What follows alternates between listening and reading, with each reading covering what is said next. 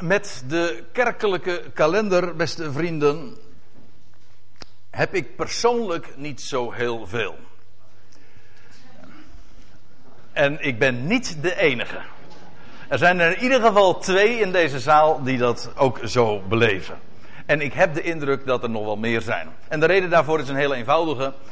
En dat hoeven we zonder enig katten te melden. De reden is deze dat deze kalender domweg niet uit de Bijbel afkomstig is. Hooguit via via er is van afgeleid. Maar daar zitten zoveel schakels tussen. In elk geval wijkt het sterk af van de kalender die God ooit aan zijn volk Israël heeft gegeven. De kalender met de hoogtijdagen. Dat neemt niet weg, en dat is dan de andere kant van het verhaal, dat zulke hoogtijden op de kerkelijke kalender altijd wel weer een mooie aanleiding is om bepaalde, bepaalde en speciale bijbelse onderwerpen voor het voetlicht te plaatsen. En een dag als deze, dagen als deze, wordt er gedacht algemeen aan de geest, de Heilige Geest. Whatever that may be, hè, want dat is nog een heel verhaal apart. Wie is dat? Wat is dat? Hoe zit dat? Daar gaan we het niet over hebben, maar ik wil u vanmorgen meenemen naar Efeze. Nee, naar, niet naar, ja, later nog naar Efeze, maar om te beginnen naar Galaten 5. Het thema is, zoals u gezien hebt, en zoals ook aangekondigd op mijn website, de vrucht van de geest. En die uitdrukking vinden we, althans in de MBG-vertaling, slechts één keer. In Galaten 5, in dit en wel in het 22e vers. Ik neem u daarin mee en ik wil u laten zien hoe de apostel Paulus dit onderwerp ter sprake brengt. Over dat wat de geest produceert en vermacht te produceren in het leven van degene die gelooft. Maar als ik het zo zeg, dan heb ik daarmee eigenlijk al heel veel gezegd, waar Paulus het juist al, uh, al hoofdstukken lang over gehad heeft in deze brief. Dit is Galaten 5 en dat betekent dus dat er al het een en ander aan vooraf gegaan is. Paulus neemt een lange aanloop om hierbij te komen. Hij en ik begin, en dat is enigszins willekeurig, maar goed, je moet toch ergens de, binnenkomen in vers 13 in van Galaten 5. Daar schrijft Paulus, want, dat is min of meer een samenvatting en een conclusie. Want, zegt de apostel, ge zijt geroepen, broeders, om vrij te zijn. Nou, dat mag je rustig een samenvatting noemen van heel het voorgaande. Deze hele brief aan de gelovigen, aan de gemeenten te Galatiën, gaat daarover. De hele boodschap van deze brief is: we zijn vrij in Christus Jezus. U moet zich realiseren, Paulus heeft die boodschap van het evangelie. En een evangelie is een boodschap, een, dat is een goed bericht. Een blijde boodschap, niet over wat u moet doen, maar over wie God is en wat Hij gedaan heeft, doet en nog zal doen. Dat is het evangelie. En dat geloven wij en de impact daarvan is zo enorm. En wij zijn vrij, en dat is de boodschap van de gelatenbrief, van de wet. En we zijn vrij in die zin ontlast. Ik gebruikte al eerder deze samenkomsten, volgens mij hebben we het de vorige keer ook al even over gehad. Wij ontmoeten elkaar. Heerlijk woord. Ontmoeten elkaar. We, we, zijn, we zijn bijeen juist om ons ervan bewust te zijn. De last is van ons afgenomen. Hij doet het. Hij, hij, als er al gewerkt wordt, en dat wordt er, dan laten we dat helemaal aan hem over. Hij werkt. En wat doen wij? Wat is het adagium van deze brief? Dat is een mooi mooi om te onthouden wat het thema is. Het adagium is: ga laten. Daarmee heb je deze brief niet alleen benoemd, maar ook nog eens een keer mooi samengevat. Niet ga doen, maar, want hij doet het, maar ga laten doen. Je kan, je, er zijn verschillende manieren om iets te doen. Maar de, mooi, de mooiste manier is altijd het laten doen. Hè? Nou, Waar of niet? Degene die nu het hardst lachen. eh, nou, laat maar. die konden zomaar eens een keertje de reputatie hebben. erg luid te zijn, ja. Maar ik geef u de hand hoor. Gij zijt geroepen, broeders, om vrij te zijn. Dat is wat we zijn. En Paulus had al eerder geschreven in deze brief. In Galaten 2 zijn we dan. Uh, dat, dat, daarin vertelt hij feitelijk ook veel over de aanleiding. Oh, dat, dat is wat ik ook nog moest zeggen.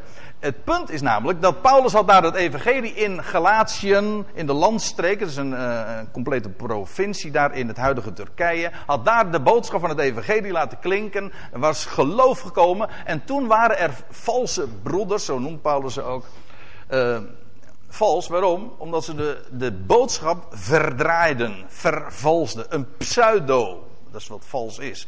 Een pseudo-boodschap. Subtiel daar lieten inwerken in de landstreek van Galatië. En die de vrijheid die wij in hem hebben bespieden. En ze wilden de gelovigen daar in Galatiën weer onder een wet brengen. Het zou toch beter zijn als ze zich zouden laten besnijden. Waarbij er ook nog wel verschillende gradaties zijn. Sommigen zeiden van dat moet, anderen zeiden van je bent niet. Dat is, helemaal subtiel. Niet je moet het, maar je bent wel beter als je het wel doet.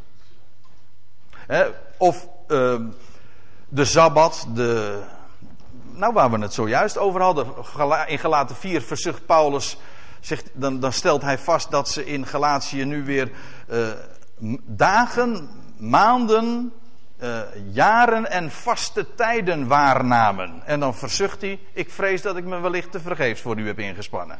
Als ik heb de boodschap van vrijheid in hem heb ik gepredikt. En nou, en nou gaan jullie je weer onderwerpen aan al dat soort riten en, en kalenders die door mensen uiteindelijk ook bedacht zijn. Of zelfs als het de wet van Sinaï is, dat is niet door mensen bedacht, maar dat legt Paulus in deze brief uit. Die was Ooit 430 jaar na de belofte aan Abraham gegeven, maar God tot op een bepaalde tijd. Tot Christus namelijk. Nou ja, als ik zulke dingen allemaal te sprake breng, moet ik nog veel meer noemen. Maar één ding moet toch duidelijk zijn. En dat is dat de aanleiding is dat Paulus wilde vertellen: jullie zijn vrij. In Galaten 2, vers 14 zegt hij: ja, dan spreekt hij met het oog op, op, op binnengedrongen valse broeders, lieden, die waren binnengeslopen om onze vrijheid, die wij in Christus Jezus, de titel trouwens van hem die is opgewekt uit de doden, de vrijheid die wij in Christus Jezus hebben, te bespieden en zo ons tot slavernij te brengen. Dat wil zeggen, onder een last van wat moet, en wat uh, van gij zult en gij zult niet. In de zin van je moet en je mag niet. Met name dat laatste. Hè?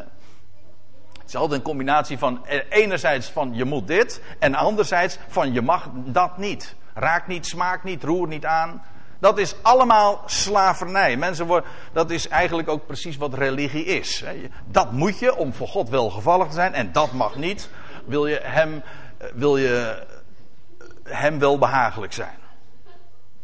Nou, Paulus zegt, we zijn vrij. Broeders, we zijn geroepen om vrij te zijn. Hij zegt erbij, gebruikt echter die vrijheid niet als een aanleiding voor het vlees, maar dient elkaar door de liefde. Kijk, je, en nu komen we op een heel belangwekkend punt, want Paulus schrijft, uh, ja, die, we zijn vrij. Sommigen, of moet ik zeggen, velen, vatten dat op als een excuus. Dat was al in zijn dagen het geval. Als een excuus om dus gewoon maar te leven naar het vlees. Dat wil zeggen naar alle impulsen die het, die het lichaam jou geeft en dat te volgen, want je bent vrij. Dat is misbruik van de vrijheid. En het kan zelfs, maar zo werkt het ook echt. Als mensen eenmaal gaan vaststellen dat je de, de, de boodschap van genade brengt en, en dat mensen dat ook gaan misbruiken, dan komen er vanzelf mensen binnen die zeggen van ja, ho, maar dat gaat niet goed. Mensen maken misbruik van die boodschap van genade. Dus we moeten die boodschap van genade toch enigszins gaan aanpassen. Want die boodschap van genade en van de vrijheid waarin we staan, is een gevaarlijke boodschap. En weet u, de waarheid is, het is een gevaarlijke boodschap. Genade is inderdaad, dat is de titel ook van een boek dat ik ooit eens gelezen heb. Genade is een risico, een levensgroot risico. Want het kan namelijk gebruikt worden en het wordt ook gebruikt als een aanleiding voor het vlees. Om gewoon mezelf voor het vaderland weg te leven en geen rekening met hem te houden. Maar dat is nu juist wat Paulus niet doet. Paulus heeft deze hele brief, zet, zet, hij zich juist in dat zij zich zouden bewust worden van de genade en de vrijheid die wij in, hebben, in hem hebben. En dat mensen het als een aanleiding, als een excuus voor het vlees gebruiken. Dat is uiteraard niet de bedoeling, dat, dat laat hij ook in dit, dit gedeelte zien. Maar dat verandert niets, maar dan ook werkelijk niets aan de boodschap. Hij laat zelfs zien dat dat leven voor en naar het vlees alles te maken heeft ook met een leven onder de wet. Maar daarover meer. Dan vers 14, daar schrijft Paulus, want de gehele wet is in één woord vervuld. Jullie willen zo graag de wet? Nou, hij zegt, ik kan je dit vertellen, de hele wet is in één woord vervuld. Gij zult uw naaste lief hebben als uzelf. Later ligt Paulus dat ook nog wel toe in de Romeinenbrief. Hij zegt, want welk gebod er ook is. Hij zegt, je zult niet echt breken, je zult niet stelen, je zult niet begeren. Noem ze maar op. Dat is allemaal in wezen een invulling van dat wat hier staat. Je, als je je naaste lief hebt, dan zul, je, dan zul je hem niet bedriegen. Dan zul je niet tegen hem liegen. Dan zal je niks van hem stelen, et cetera. Het is heel gemakkelijk aan te tonen.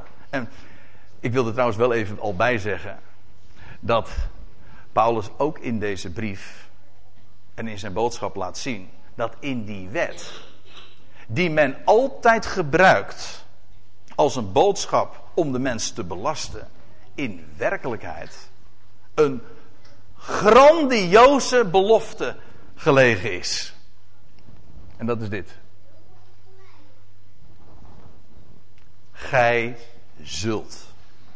Dat is een strikt genomen, ook in, puur als je het taalkundig bekijkt, grammaticaal, dat is toekomende tijd. Je zult je naaste lief hebben. De mensen gebruiken dat als aanleiding, ook weer, als een aanleiding om, om de mensen lasten op te leggen. Maar het is een belofte. Houd hem vast. Gij, zult de Heer uw God lief hebben.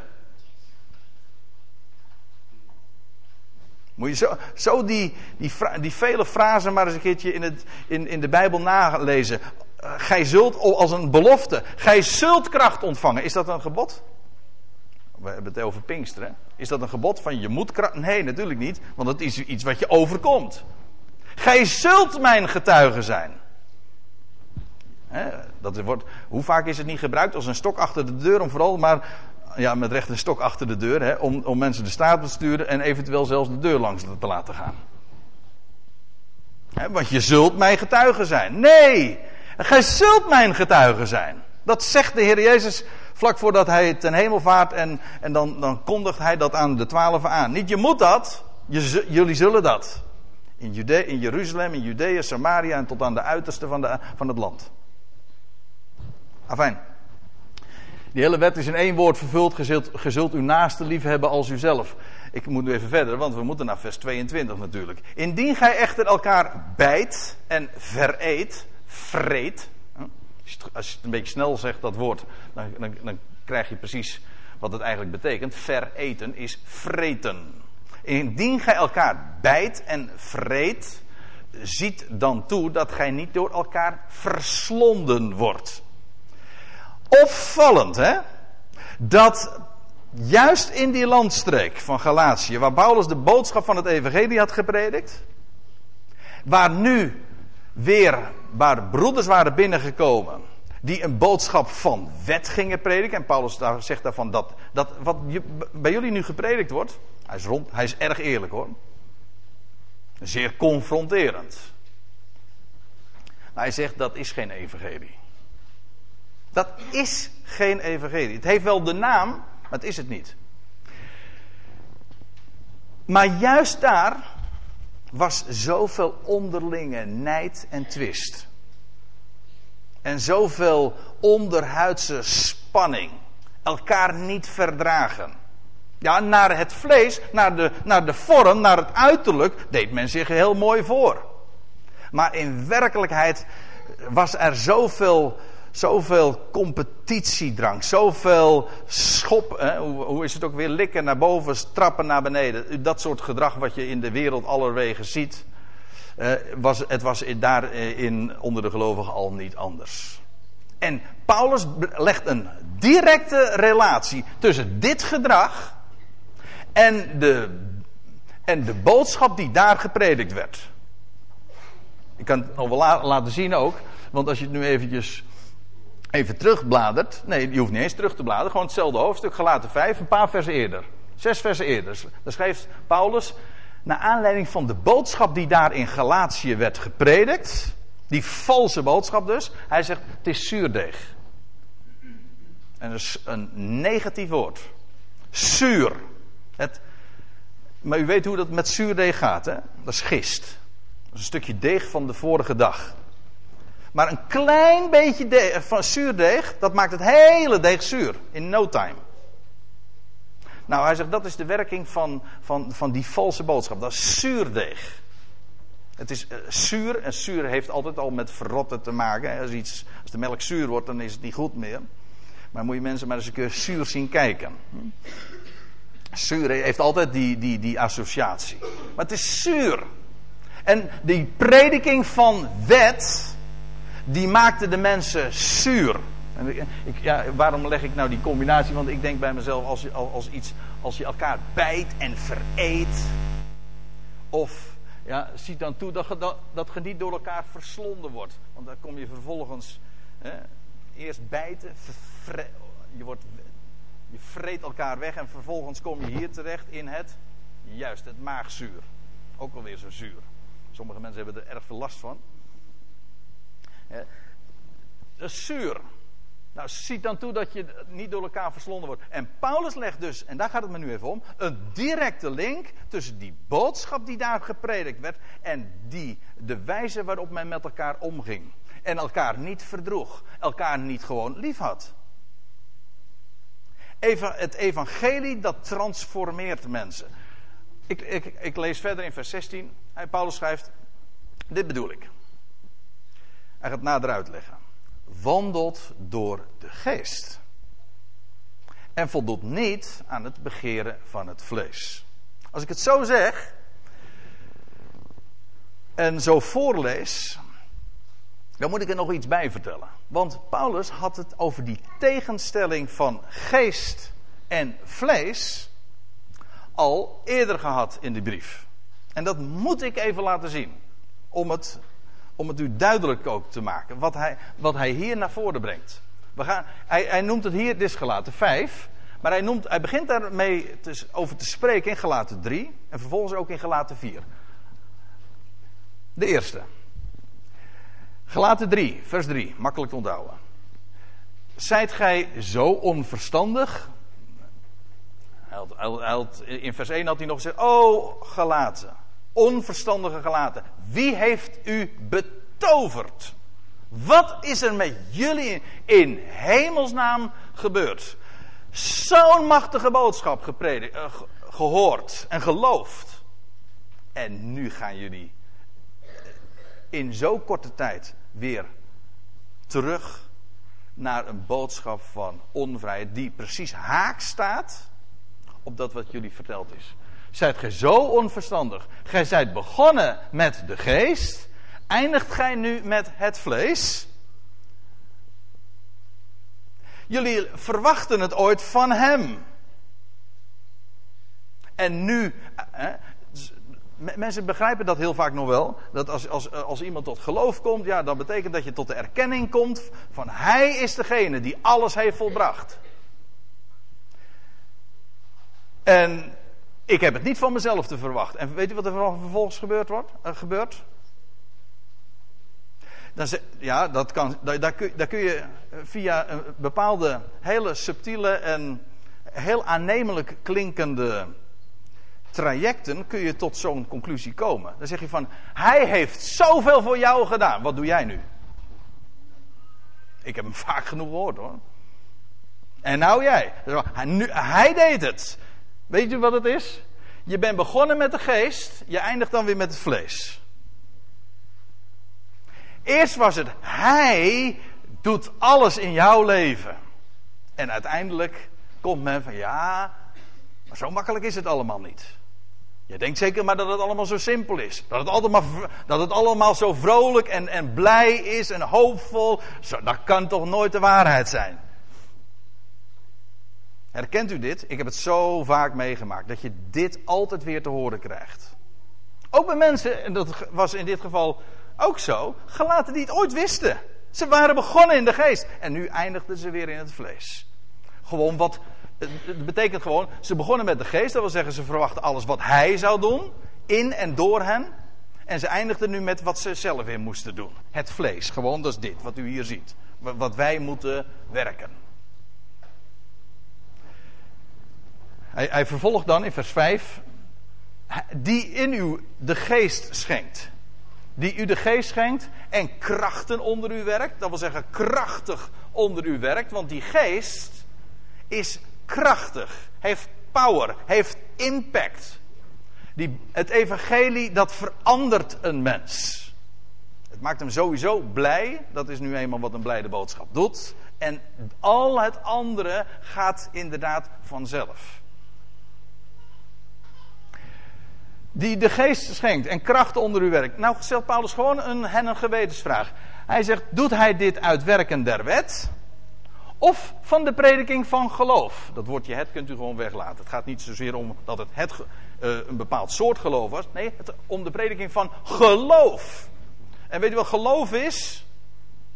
Nou, ik zal, ik zal straks laten zien, maar eerst even nog iets anders. Hoe waren ze tot geloof gekomen? Hij die de geest schenkt en krachtig onder u werkt. waarom, waarom was dat zo? Waarom hadden ze die, die herinnering allemaal nog? Zo vers in het geheugen. Was dat vanwege de prediking van, uh, van werken der wet? Had Paulus hen verteld wat ze moesten doen of wat ze moesten laten? Ja, ja in de goede zin des woords dus. Hè? Wat ze niet mochten doen bedoel ik. Nee, Paulus had evangelie verteld. Een bericht. Een heel goed bericht. En dat had als gevolg dat de geest. Dat ze de geest hadden ontvangen. De geest deed zijn werk. Deed krachtig zijn werk onder hen. Ja. Hij zegt, maar dat was dus helemaal puur door de preking van geloof. Geloof, weet je wat geloof is? Nou ga ik het alsnog vertellen. Geloof staat tegenover werken. Waarom? Kijk, als ik een wet predik, dan zeg ik van je moet dit doen. Dan krijg je een opdracht en dan, kun je, en dan ga je je best doen. Dan ga je proberen om dat, die opdracht te vervullen. Dat is werken. Dat is wet. Ongeacht wat, wat je dan ook zegt, daar gaat het even niet om. Maar dat is het principe van werken of het principe van wet. Maar Paulus spreekt geloof. Dat wil zeggen, hij predikte een belofte. Een, en ik ga dat u nu ook laten zien, want hier dit is vers 5. En dan op vers, in vers 6 zegt Paulus, schrijft Paulus, en dat, hij doet dat wel vaker, in Romeinen 4 ook. Op dezelfde wijze heeft ook Abraham God geloofd. En het is hem tot gerechtigheid gerekend. Lees het maar na in Genesis 15. Wat gebeurt er? Wat had God tegen Abraham gezegd? Dat hij iets moest doen? Nee. Abraham was meegenomen in de nacht. En hij keek daar naar die geweldige sterrenhemel. En God had aan hem de vraag gesteld: kun je die sterren tellen? En toen had Abraham gezegd nee. En toen had God geantwoord en hem beloofd. Zo zal jouw nageslacht zijn. Zo zal jouw nageslacht zijn. Dat was een belofte. Wat kon Abraham doen? Kon, kon Abraham werken? Nee, want er werd hem niks gevraagd. Er werd, niks, er werd hem niks opgedragen. Er werd, er werd niet gezegd wat hij moest doen of wat hij niet mocht doen. Niks. God had gezegd: Zo zal jouw nageslacht zijn. Het enige wat je met zo'n boodschap kan doen, dat is. U zegt het. Amen. Dat is precies namelijk wat er staat hè? in Genesis 15. Er staat, en Abraham geloofde God. Maar in het Hebreeuws staat er gewoon, en Abraham zei amen. ons woord amen betekent gewoon geloven. Het is zo. Het is waar. En ik... Oh.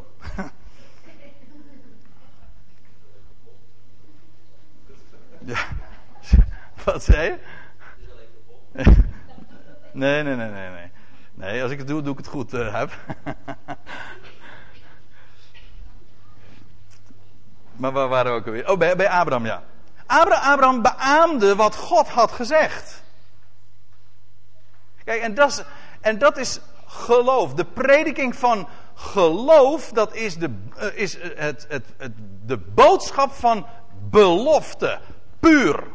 Nou, en Paulus zegt, dat is op de, wat, wat, wij, wat ik heb verteld. Wat ik heb verteld, dat, is, dat was de prediking van geloof. Op dezelfde wijze als ooit dat al het geval was met Abraham 2000 jaar eerder. Ja, inmiddels dus uh, eh, 4000 jaar al geleden. Omdat we nu inmiddels weer 2000 jaar verder zijn. Maar u begrijpt het. Geloof. God belooft en dat is ook precies wat het evangelie is. Je vertelt wie hij is, wat hij gedaan heeft, wat hij doet en wat hij zal doen. En wij zeggen, amen, zo is het, yes. Dat is de God die wij kennen en dat is precies wat, het evangelie is, wat geloven ook is. Ja, maar, nee, niks. Al, mensen zeggen altijd, ja, maar, dat is het. En weet u waar het nou om gaat? Als je die geest hebt eh, ontvangen, dat je je niet laat misleiden door andersluidende beweringen. Van ja, maar nu gaat het erom. Nee, het, weet je waar het om gaat? Is dat waar je, zoals je ooit begonnen bent, dat je zo ook gewoon in dat spoor verder gaat. Zeg, dat, staat trouwens letterlijk ook in Galaten 5. Ik weet niet of we het straks nog zullen lezen. Maar daar staat in Galaten 5. als wij door de geest leven, laten wij dan ook door de geest het spoor houden. Denkt u nou werkelijk dat dat het evangelie zo'n enorme kracht heeft, het een mens blij maakt. En, en dat je dan vervolgens het roer helemaal om moet draaien. Omdat God dan vervolgens zo eh, verder zou willen gaan. Nee, natuurlijk niet. Als hij zo begint, dan zet hij daarmee de toon. Dat is de waarheid. Zo, zo treed ik met jou in relatie. Dat geef ik allemaal puur om niet. Daar mag je uit leven. Alsjeblieft. Waarbij ik het woordje blieft wel erg mooi vind. Believen. Hè? Geloven. Geloof toch gewoon. Hier heb je het. Ja, je kunt zeggen, nou, ik belief dat niet. Nee, een heleboel mensen believen dat niet, want dat is allemaal. Zo gemakkelijk kan het allemaal niet zijn. Maar dat is de, dat is de grote Heer, dat is de geweldige inhoud van de boodschap ik ga nog even verder, want dit was gelaten 3. Maar nou nog een voorbeeld van, want daar hadden we het over, de tegenstelling vlees-geest. Gelaten 4. Dan laat Paulus zien, in, een, in dat verhaal, eh, naar aanleiding van het verhaal wat we in Genesis lezen, de geschiedenis van Ismaël en, en, en Isaac. Laat hij zien dat die, dat die geschiedenis dat er enorme sprake van uitgaat. Hij, zo mooi, zoals, zoals, Paulus dan ook aanvangt. Want hij, hij zegt tegen die relatie: vertel mij, jullie die onder de wet willen staan, luisteren jullie zelf niet eens naar de wet? Hebben jullie enig idee? Hebben jullie enig idee van wat hij, uh, of wat daar eh, staat geschreven? Nou, en dan laat Paulus zien dat hele verhaal van Sarah, Hagar enerzijds, en, of anders gezegd van uh, Isaac en Ismaël, dat dat een voorstelling is van wet en genade. Ik ga nu niet dat gedeelte uh, bespreken, maar ik wil wel even op vers 29 wijzen, want daar schrijft Paulus, want maar zoals het destijds hij, en dan gaat het over Ismaël, zoals destijds hij, die naar het vlees verwekt was, hem, dat wil zeggen Isaac, die naar de geest verwekt was, vervolgde, zo ook nu. Ja, ik raad u echt aan om dat gedeelte nog eens te lezen. We hebben er ooit eens een keertje een Bijbelstudie ook aan gewijd, hier op deze plaats. Maar ziet u hier ook de, de tegenstelling? Het vlees, de geest. Ismaël was naar het vlees verwekt. Dat wil zeggen, eh, hoe, was het, hoe was dat ook weer? Abraham geloofde God, ja, maar daar kwam op een gegeven ogenblik toch de, het idee bij Abraham. Dat is een zwarte bladzijde in zijn, in zijn leven. Waar we nog steeds in het Midden-Oosten de, de wrange vruchten van plukken trouwens. Ja, maar dat, toen, kwam, kwam daar het, de, het idee bij bij Abraham dat hij God een handje zou helpen. God zal wel bedoeld hebben van ja, ik, ik geef jou nageslacht. Eh, dan zal dat, en als Sarah dan geen kind kan krijgen, nou ja, dan, dan doen we dat gewoon via Hagar. Hm? Dat was naar het vlees. Dat waren zijn, hij dacht dat hij het zelf moest vervullen. Maar God had gezegd: ik zal door Sarah, eh, het zal door Sarah geschieden.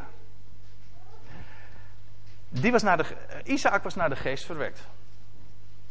Dat was Gods belofte. Hoefde Isaac, daar hoefde Abraham helemaal niets voor uit de kast te halen. Als je begrijpt wat ik bedoel, het is een beetje een raar verhaal misschien. Nee, nee, we houden het netjes. Van, we houden het netjes. Maar er hoefde inderdaad. Dat ging allemaal vanzelf. Dat is ook een mooi verhaal hoor. Hoe dat is in, in zijn werk is gegaan. Maar het staat allemaal in de Bijbel. Seksualiteit is in de Bijbel geen taboe. Hè? Dus staat. staat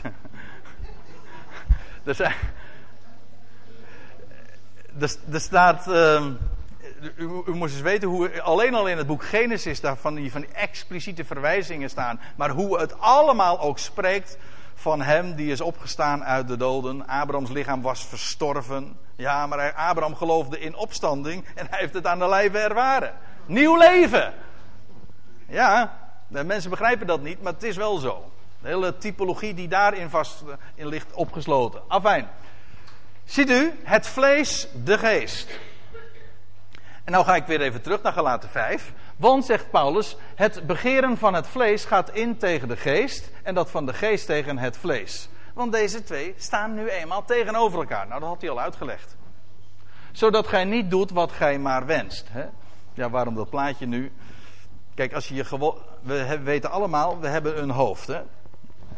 En de bedoeling is dat we ons zouden laten leiden, begrijpen we allemaal, door ons hoofd. En niet door de impulsen die je lichaam allemaal zo ingeeft.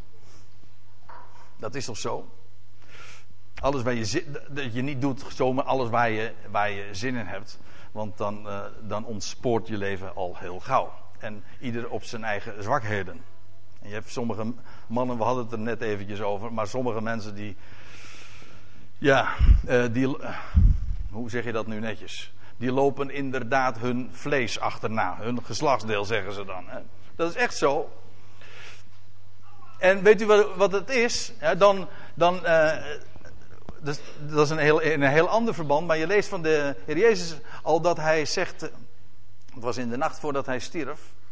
Dan lees je al toen de discipelen sliepen in, in Gethsemane. En dan zei hij: De geest is wel gewillig, maar het vlees is zwak. Ja, ja ik ken nog een andere variant. De drank is sterk. Maar de geest is gewillig. Je wil, de geest wil wel, maar het heeft geen controle. Het geeft geen controle over het vlees. Terwijl we allemaal begrijpen, dat is wel de bedoeling. Dat, we, dat je geregeerd zou worden, dat je geleid zou worden door de geest. Ik bedoel nu ook gewoon door de menselijke geest. Dus daar, daar zit niet de gedachte achter dat het vlees iets verwerpelijks zou zijn aan zich. Niemand, ik weet wel, dat is altijd verteld, hè, dat we zouden strijden tegen, de vlees, tegen het vlees. In de Bijbel staat dat niet. Of dat we het vlees zouden haten. In de Bijbel staat het niet. Niemand, zegt Paulus, haat ooit zijn eigen vlees. Maar je koestert het, je, je, je, je verzorgt het. Dat is normaal. Het punt is alleen, dat vlees zou geen leiding geven aan je lichaam, maar de geest zou leiding geven aan het lichaam. En nu bedoel ik het met een kleine letter geest, onze eigen geest. Maar uiteraard daarbij verwijzen naar de geest met allemaal hoofdletters, zijn geest. Afijn.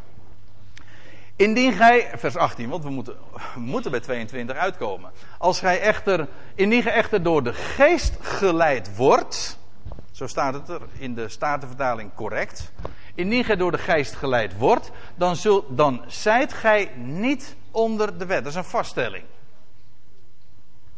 Niet een wens, ook niet het hoort zo, nee, het is zo. Als je door de geest geleid wordt, dan zijt gij niet onder de wet. Omgekeerd, als je onder de wet bent, dan word je niet door de geest geleid.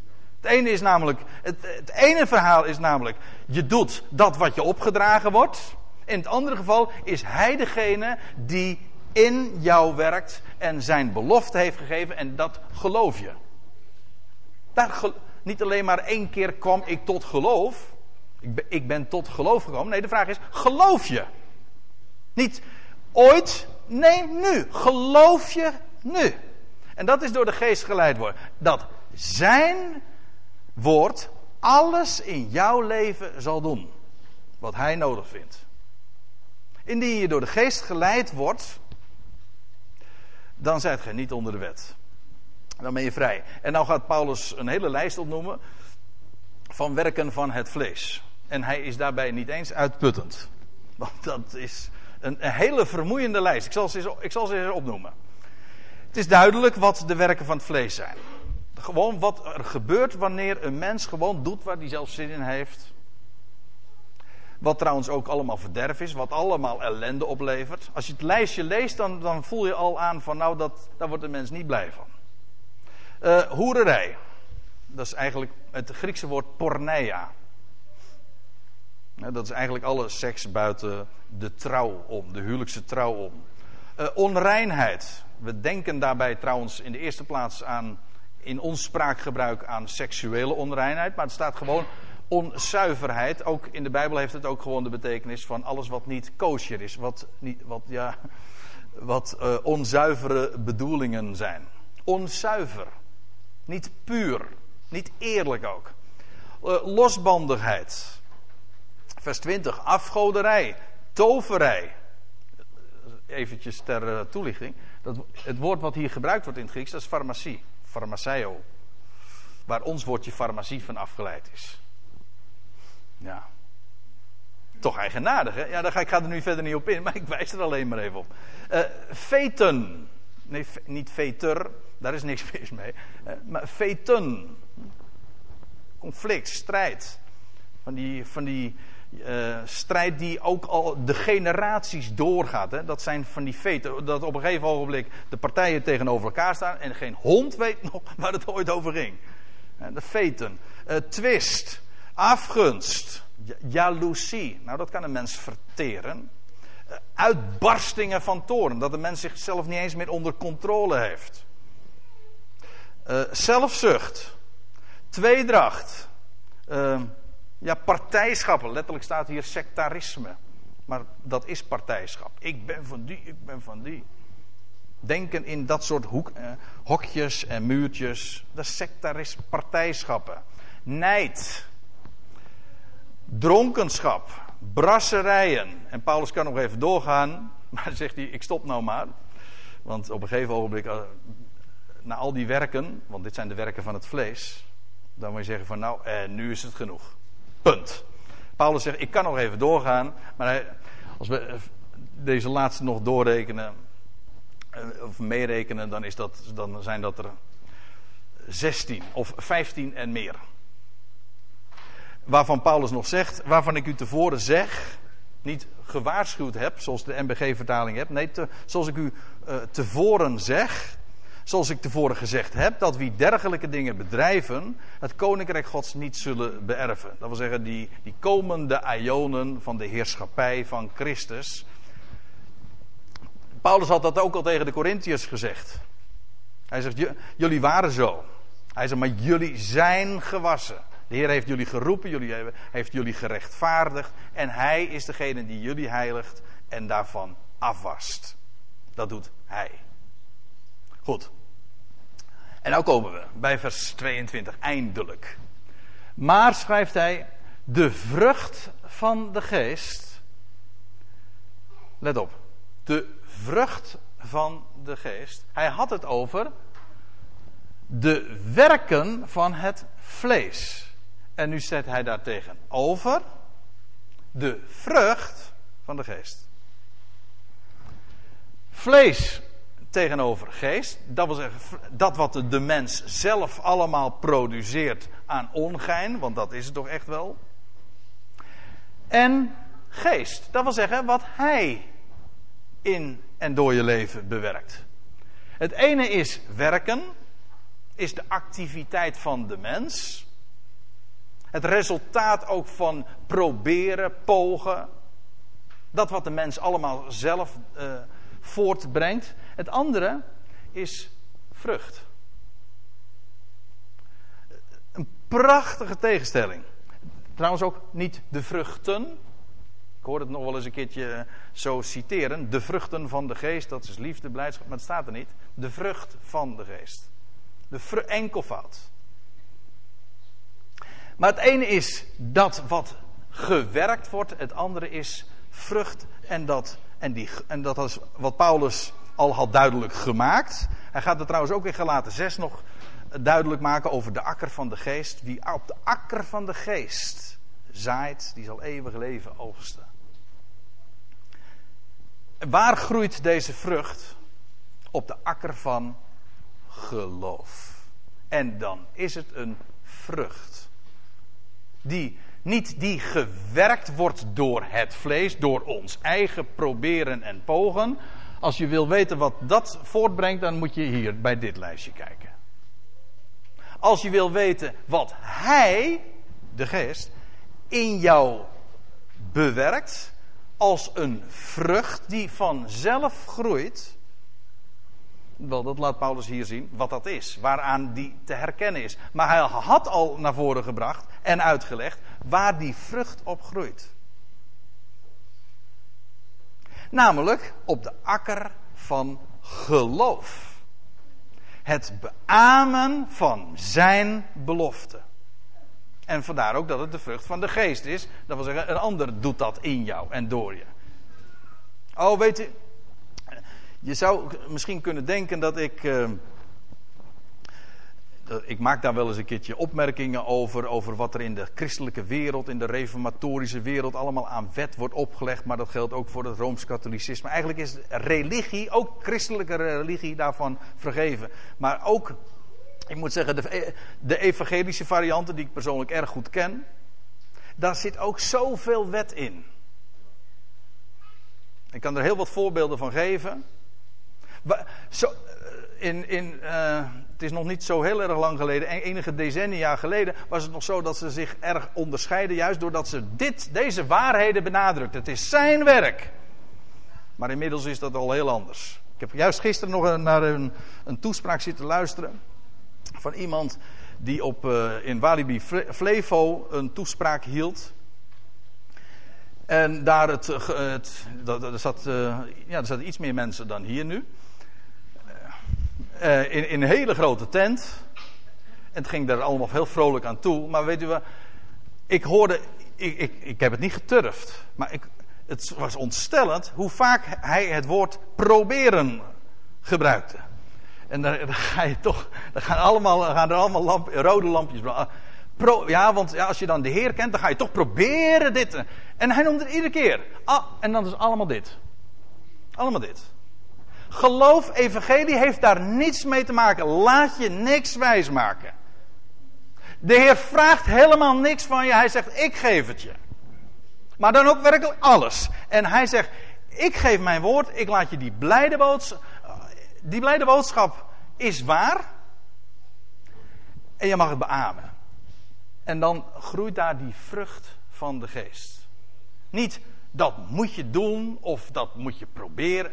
Helemaal niet. Proberen is, dat is typisch een woord dat eigen is aan godsdienst en aan het vlees. Namelijk dat wat de mens moet bewerken. De vrucht van de geest tegenover de werken van het vlees. En dan komt de vrucht van de geest is liefde. Ik, ik, ik lees dat anders dan, dan gebruikelijk. Ik wil het even toelichten. Ik geloof namelijk dat de vrucht van de geest liefde is. Punt, eigenlijk. Of nee, dubbele punt. Niet de vrucht van de geest is liefde, komma, blijdschap. Nee, de vrucht van de geest is liefde.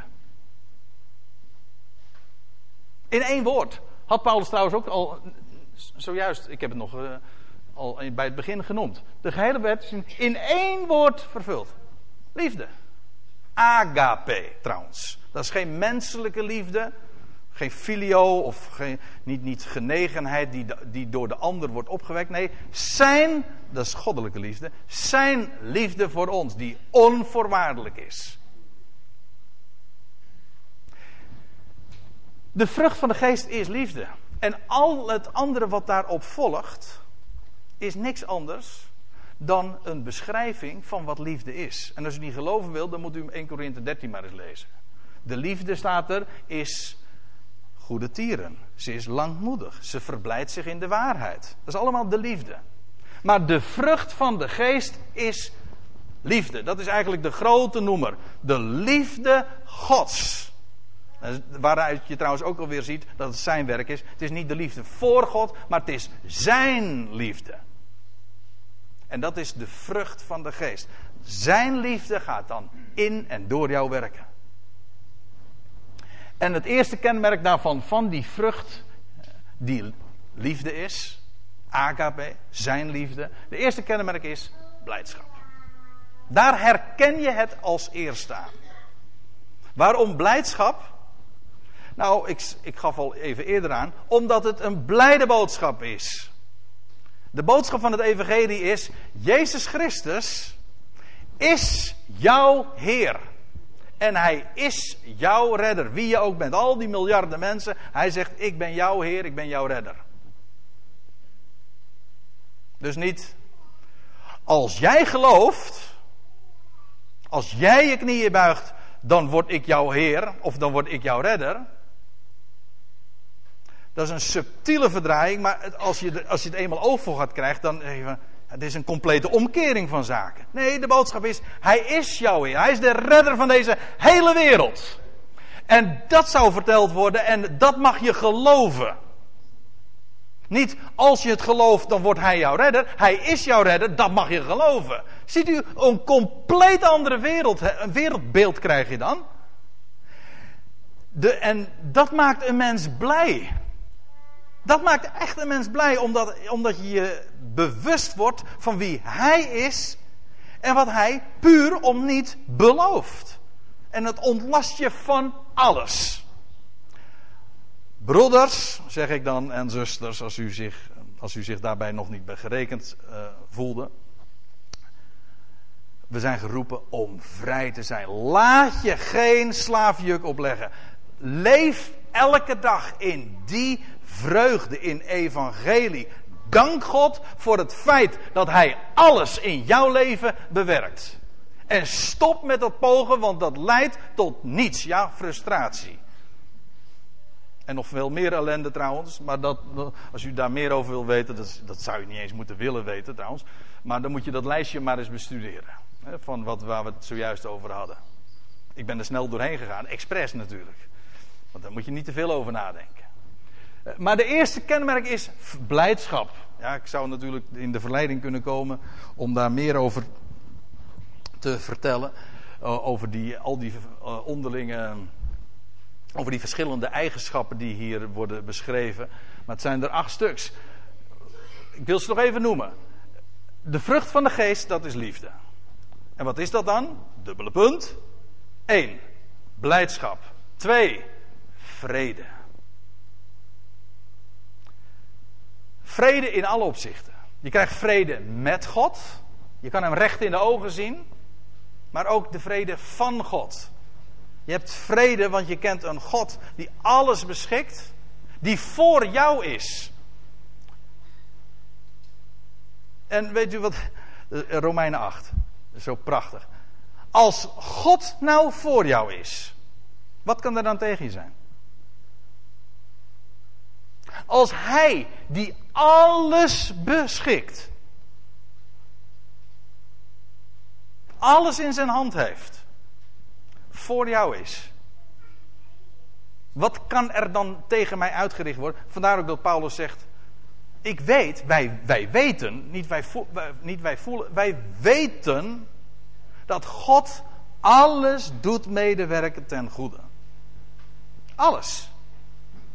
Niets is tegen mij. Dat lijkt misschien wel zo, maar Hij heeft jouw leven in alle opzichten in zijn hand. Ik bedoel, als ik zeg alle opzichten, maar dat bedoel ik ook echt in alle opzichten. Je bent, hij is jouw Heer en dat betekent, je bent van Hem. Je bent zijn eigendom en hij zorgt voor jou. In alle opzichten. U zegt ja, maar ook, nou, ik bedoel alle opzichten. En als je dus, dat betekent dus als je ergens je zorgen over maakt, dan ben je je kennelijk niet ervan bewust dat hij voor jou zorgt. Niet. Kijk, de, het, het, het, verhaal en de boodschap is niet van je mag je geen zorgen maken. Als u zegt van nou, ik vind het heerlijk om me zorgen te maken, doe het vooral. Maar zo werkt het niet. Je maakt je juist zorgen. Waarom? Omdat je denkt dat je het zelf allemaal toch weer ja, de, de, de eindjes aan elkaar moet zien te knopen. Of je denkt, het gaat niet goed. Eén is er voor je. Als hij die voor je is, wat zou er dan ooit tegen je kunnen zijn? Daarom, je krijgt vrede. De vrede Gods. Misschien snap je het niet. Het gaat alle verstand erboven. Maar die zal jouw hart, jouw hart en jouw gedachten gaan behoeden als in een vesting. Dat is de belofte van God. Dus wat het uitwerkt. Blijdschap, vrede. Ziet u wel dat. Wat je ook probeert. Maar een mens kan nooit zichzelf blijdschap en vrede geven. Je kan trouwens ook niet bij een ander bewerken. Maar zijn woord kan het je geven. Nee, niet kan het je geven. Zijn woord geeft het je. Zijn woord is namelijk een woord van belofte en puur van bruisende vrijheid en, en, en vreugde en hoop. Blijdschap, vrede, langmoedigheid, dat wil zeggen geduld. Dat krijg je ook. Want je weet, het is in zijn hand. Dus je kan afwachten. Het komt allemaal, het komt allemaal goed. Ja. Mensen, zeggen, uh, mensen kunnen misschien tegen je, uh, tegen, uh, tegen je zeggen van ja, je, bent sloom. Maar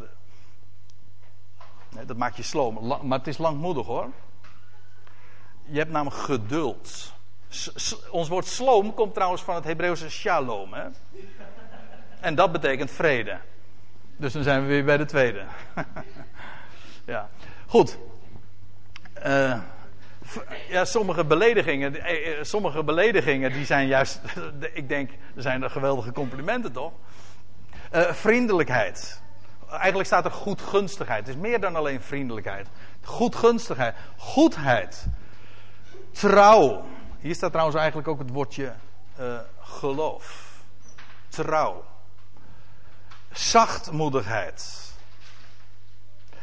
en zelfbeheersing. Het vermogen je in te houden. Het Griekse woord betekent eigenlijk inhouden. Je, hebt, je, krijgt self-control. Zelfbeheersing.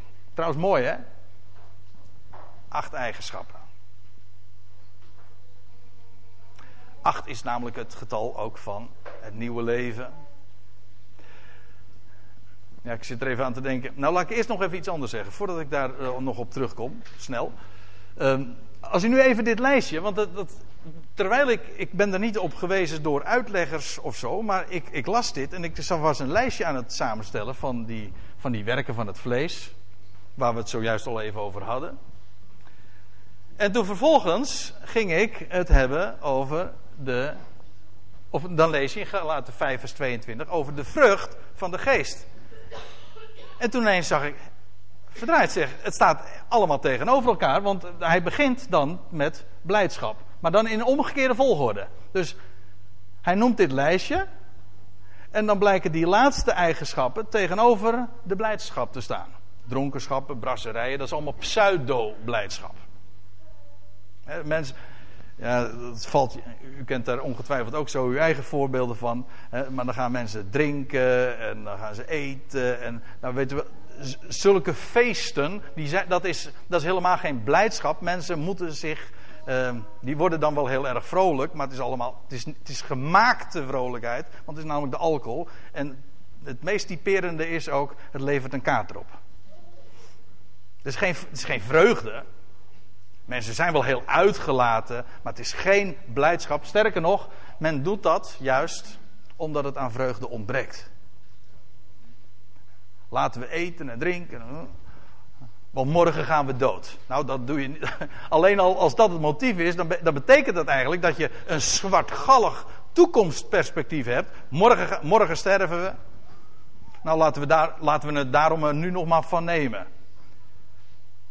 Maar dat is, dat is toch een heel zwartgallig uh, visie en toekomstbeeld wat je hebt. Nou, laten we het er dan nu maar van nemen. Maar wij hebben reden om werkelijk vrolijk te zijn. Waarom? We kennen de God der hoop. Een geweldige toekomst, niet alleen voor ons, maar voor deze hele schepping. Voor iedereen, voor elke creatuur. Kijk, dat maakt mij vrolijk hoor. Heb je niet eens alcohol of, of, of al die dingen hiervoor nodig. Ziet u, deze dingen staan tegenover blijdschap. Waarbij ik overigens niks, uh, eventjes ter, uh, ter correctie of ter toelichting. Ik heb niks tegen alcohol, begrijp me goed. Maar als dat de blijdschap moet bewerken, is het toch wel een hele treurige zaak. En dan, uh, hij noemt vrede. Ik ga het niet allemaal toelichten. U moet het voor uzelf maar eens een keertje nagaan. Hoe die eigenschappen in omgekeerde volgorde zo tegenover elkaar staan. Tweedracht, partijschappen, nijd staat tegenover de vrede. Uitbarstingen van toren, zelfzucht staat tegenover langmoedigheid. Enzovoorts.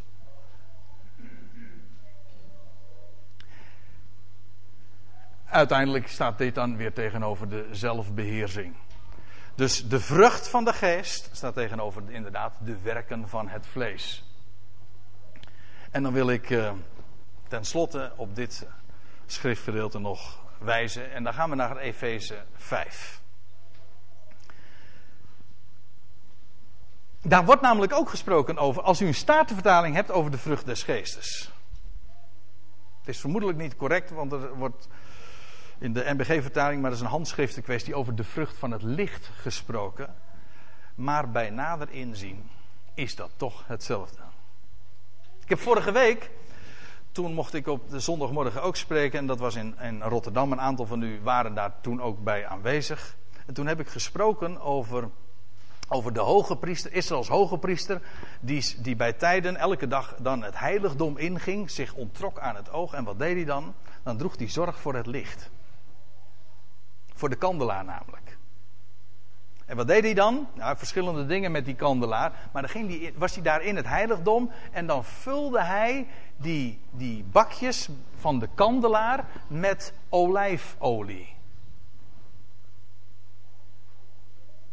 Zodat die kandelaar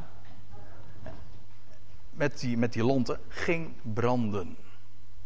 En dat is een beeld van de tegenwoordige tijd waarin het nacht is in deze wereld. Maar Hij is degene die ons laat stralen, laat schijnen. Hij vult, hoe doet Hij dat? Wel, dat doet Hij door ons elkens, telkens weer te vullen met olijfolie. Dat is de geest. Olie is de geest, hè? Nog eventjes. U, ja, u bent nog wakker genoeg. Olie olijfolie, dat is in het Hebreeuws shemen. Maar het is direct verwant aan het woord shmoné. Moet u me even voor me aannemen. Als u niet geloven wil, moet u het straks aan Theo Frederiks maar eens vragen. Die weet veel meer van het Hebreeuws dan ik nog. Maar dat, uh, dat is acht. Maar waar hadden we het net over? De vrucht van de geest. Acht. Acht karaktertrekken daarvan. Dat is precies wat die olie is. Acht. Acht is ook het, het getal van het nieuwe begin. Na zeven, of zal ik het pinksteren? Dus na zeven kwadraat krijg je de vijftigste, maar dat is feitelijk dus na, na de zeven krijg je de acht. Een nieuw begin. En wanneer werd een Joods jochie besneden? Precies, dat was de achtste dag. Al acht heeft altijd te maken met een nieuw begin, met nieuw leven. En dan werd het, bij, trouwens bij die besnijdenis, wat gebeurde er dan? Ja, ik zit nou een heleboel typologie even door elkaar te halen. Maar ik hoop dat, het u, het, dat u het allemaal nog een beetje kunt, uh, kunt bevatten. Maar zo mooi. Wat gebeurde er bij de besnijdenis? Dan werd het mes gezet in het vlees. Nou, daar hadden we het toch over. mes werd gezet in het vlees. En wat er openbaar werd, was de vrucht. Ja. De vrucht namelijk van de eik. Heb u hem? Maar die vrucht van de eik, ik zeg het expres even zo. Ja, eikel, ja. Is een embleem van Gods belofte. Het woord eikel betekent, is in het Hebreeuws ook uh, Allah en dat betekent zijn eed, zijn belofte. Ja, oké, er, vallen, gaan heel veel uh, draadjes lopen nu door elkaar. Maar ik hoop dat u in één ding in elk geval vat. En dat is die olie, want daar hebben we het even over. Die, die gebruikte de hoge priester dan in dat hemels heiligdom. En hij vulde die kandelaar. En waardoor die kandelaar ging stralen. Dat is zijn werk. En die olie, dat is geest. En daar, oh, een heleboel mensen denken daar heel wazig over bij geest. En dan, nee, daar hoef je helemaal geen Pinksterchristen voor te zijn. Maar het is, die geest, dat is zijn woord hoor. Mijn woorden, zegt de Heer Jezus, mijn woorden zijn geest en leven. Is, dat is mijn woorden die ik spreek. En dat is precies waar Hij ons ook mee vult. Met zijn woord, met leven, met geest. En daardoor gaat een mens stralen. En dan is wordt precies waar wat hier staat. Want gij waart vroeger duisternis, maar thans zijt gij licht in de Heer. Dat wil zeggen, Hij is degene die het licht voor zijn rekening neemt. En wandel dan ook gewoon als kinderen van het licht. Want de vrucht van het licht, staat de vertaling de vrucht van de geest, de vrucht van dat licht, dat bestaat in louter goedheid en gerechtigheid en waarheid. Precies al die eigenschappen die we in de wereld niet vinden, maar die Hij rijkelijk in ons gaat bewerken. Daar waar wij staan, op de bodem van Zijn belofte. En daar wilde ik het vanmorgen graag maar bij laten. Ik stel voor dat we een lied gaan zingen.